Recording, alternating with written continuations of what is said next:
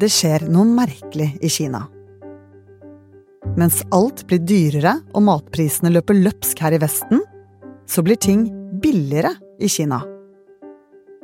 Etter et økonomisk mirakel der de suste mot å bli verdens største økonomi, mener nå flere at vi kan se slutten på eventyret. Du hører på Forklart fra Aftenposten, en podkast der vi forklarer deg én nyhet i hver episode. I dag om det som kan være slutten på det kinesiske mirakelet. Det er torsdag 17. august, og mitt navn er Synne Søhol. Det er mye som skurrer i den kinesiske økonomien for tiden. Altså, landet har ikke klart å reise seg skikkelig etter pandemien, og arbeidsledigheten er høy, spesielt blant unge, og, og folk bruker ikke nok penger for å få økonomien til å skyte skikkelig fart. Kristoffer Rønneberg er tidligere Asia-korrespondent og har både bodd og reist mye i Kina.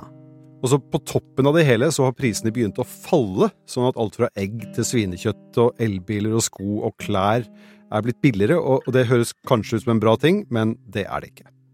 Og hvorfor det er sånn, det kommer vi tilbake til. Men Kristoffer, hvor uvanlig er det som skjer i Kinas økonomi nå?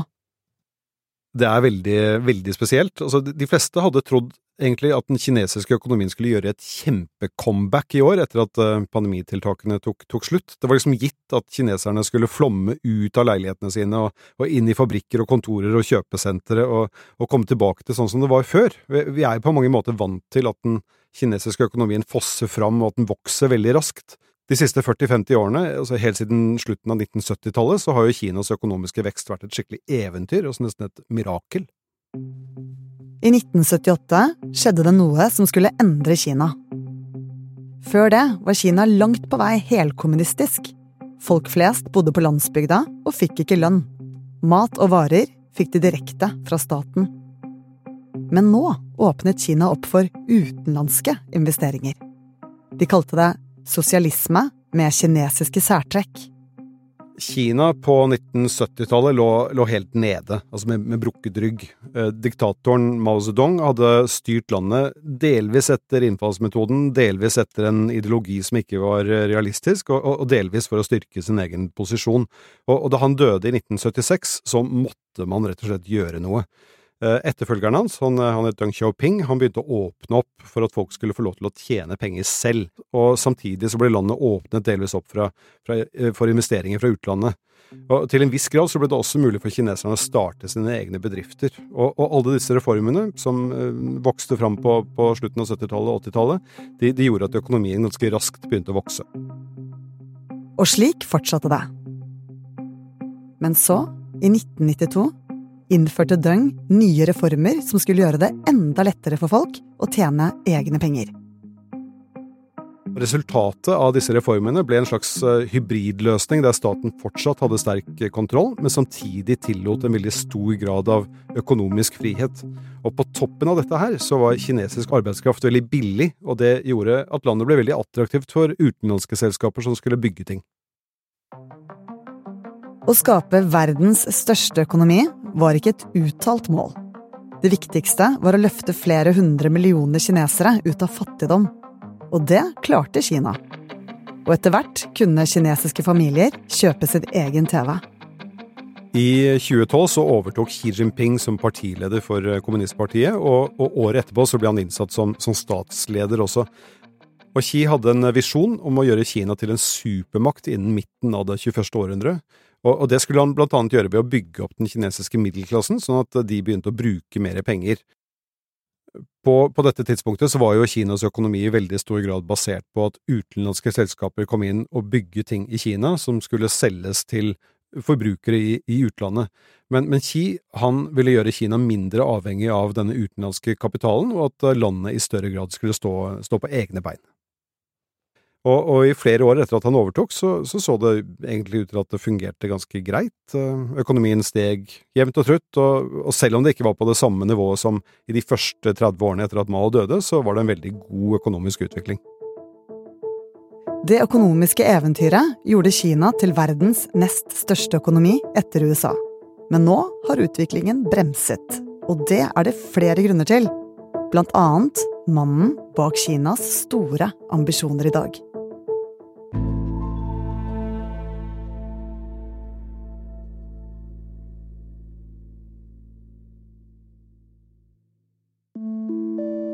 En veldig viktig grunn til at Kina sliter nå, er pandemien.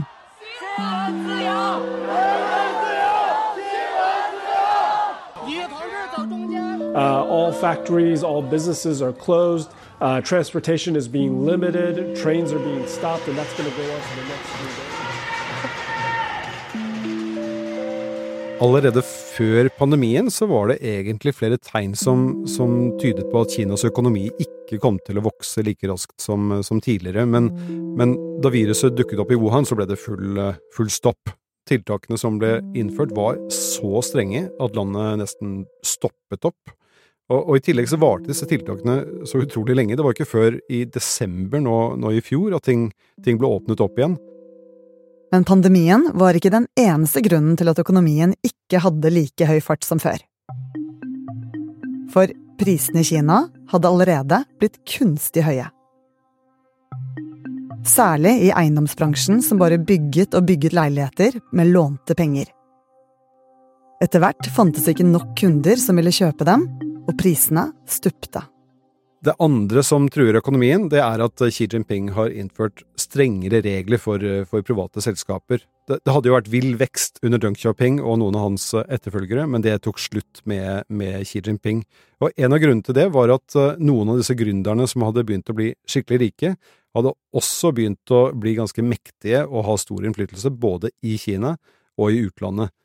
Så Xi innførte tiltak som strammet inn for, for noen av disse supergründerne. Eh, og, og, og, omfanget av dette, det, det, skjønte vi egentlig ikke før en av de aller største av disse gründerne plutselig bare forsvant.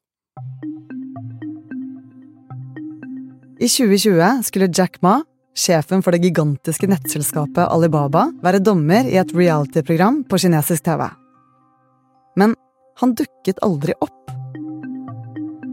En måned i forveien så hadde Jack Ma kritisert Kinas økonomi i en offentlig tale der han sa at den er for dominert av store, statlige banker.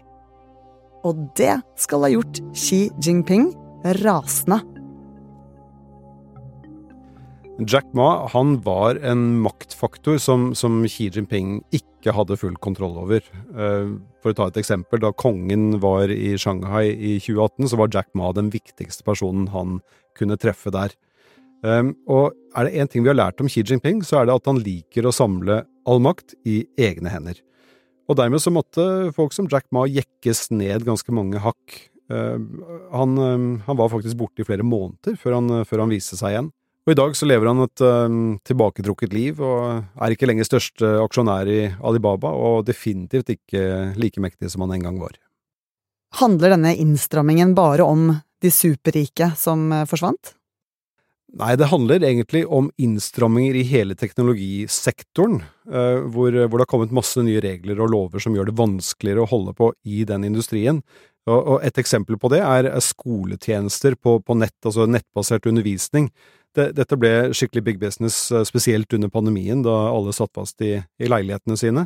Men da ble det også en slags alternativ undervisning utenfor den statlige skolen, og dermed utenfor partiets kontroll.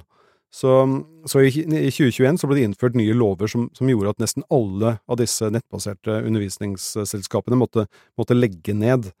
Og, og, den type politikk, at man eh, bare river ned hele sektorer som tidligere hadde fått operere ganske fritt, det, det skaper mye usikkerhet blant eh, investorer og, og gründere i, i Kina. Fordi det som er greit å gjøre i dag, det kan plutselig være ulovlig i morgen. Og dermed så blir det jo risikabelt å investere i nye ting, og når man ikke investerer, så er det vanskelig å få økonomien til å, til å blomstre. Men pandemiens effekt var heller ikke over, for tiltakene i Kina var ekstreme, og de varte lenge. I desember i fjor så kom altså denne gjenåpningen som alle hadde ventet på, men etter det så har Kina slitt med å finne tilbake til den gamle suksessoppskriften. Altså ting går mye, mye tregere enn man eh, hadde trodd at det skulle gjøre. Og, og mens vi her i Vesten opplever at prisene vokser eh, raskere enn hva de skal, så skjer det motsatte i Kina. Der, der opplever de nemlig en deflasjon, altså at prisene synker. Deflasjon, som vi snakker mye om her, er altså det motsatte av inflasjon. Og deflasjon kan også ha en selvforsterkende effekt. Si hvis du f.eks. skal kjøpe en, eh, kjøpe en, ny bil, da, eller et kjøleskap eller en sofa, så, så, venter du kanskje med å kjøpe den hvis du tror at den skal bli billigere i, i neste uke. Og, og, dermed så bruker du ikke pengene, du holder dem i banken eller i madrassen i, i stedet. Og det er jo heller ikke bra for den økonomiske veksten. Og I tillegg til det så gjør eh, deflasjon at lån man har, blir relativt sett dyrere jo lengre tid det går, og at det blir vanskeligere å betale ned på, på gjeld. Og Dermed så blir folk og bedrifter mindre villige til å ta opp nye lån. Og Dette prøver myndighetene nå febrilsk å gjøre noe med eh, ved å sette ned renten. Det har de gjort to ganger bare den siste måneden, men eh, foreløpig så ser det ikke ut til å ha så veldig stor effekt.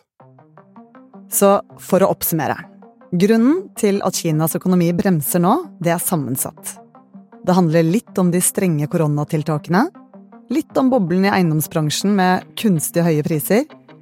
Det handler litt om de strenge restriksjonene for private selskaper, og i tillegg har deflasjonen en selvforsterkende effekt. Og så er det en femte grunn, og den kommer utenfra, nemlig Kinas forhold til USA.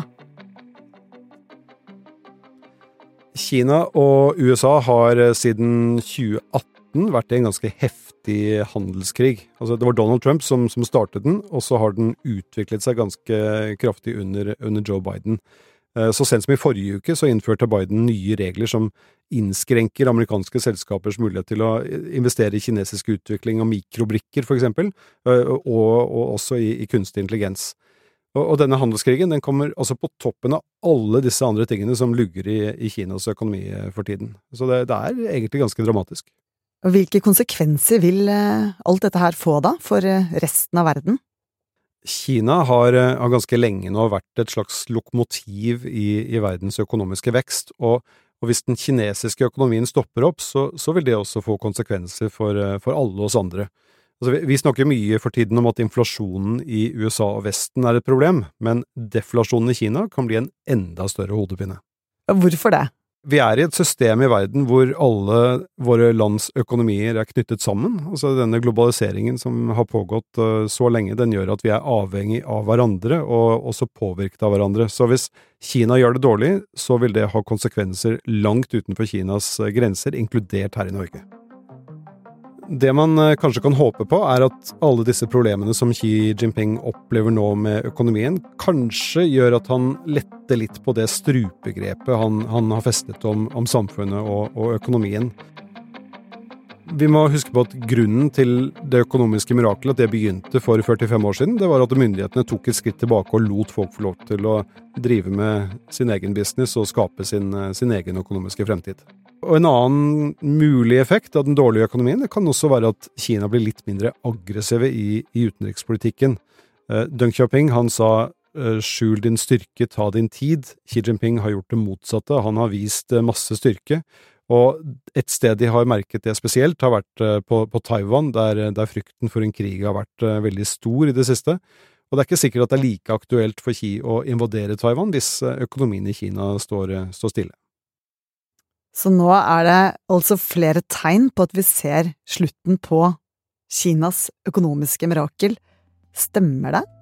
Vi kan i hvert fall si at det er mye motbakke for kineserne for tiden. Og, og hvor lenge det vil vare, og hvilken form det ender opp med å ta, det, det er for tidlig å si. Altså Ekspertene har massevis av ulike teorier og, og tanker og meninger om, om, om, det der, og det er alltid vanskelig å spå om, om fremtiden.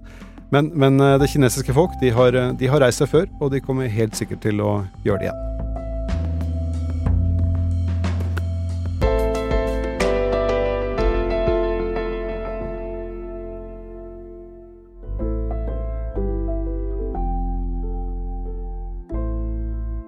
Du har hørt en podkast fra Aftenposten. Det var Kristoffer Rønneberg som forklarte deg hvorfor Kinas økonomiske mirakel er i ferd med å snu. Denne episoden er laget av produsent Anders Weberg og meg, Synne Søhol. Resten av Forklart er Olav Eggesvik og Jenny Førland. Lyden du hørte, er fra nyhetsbyrået AP og Bloomberg.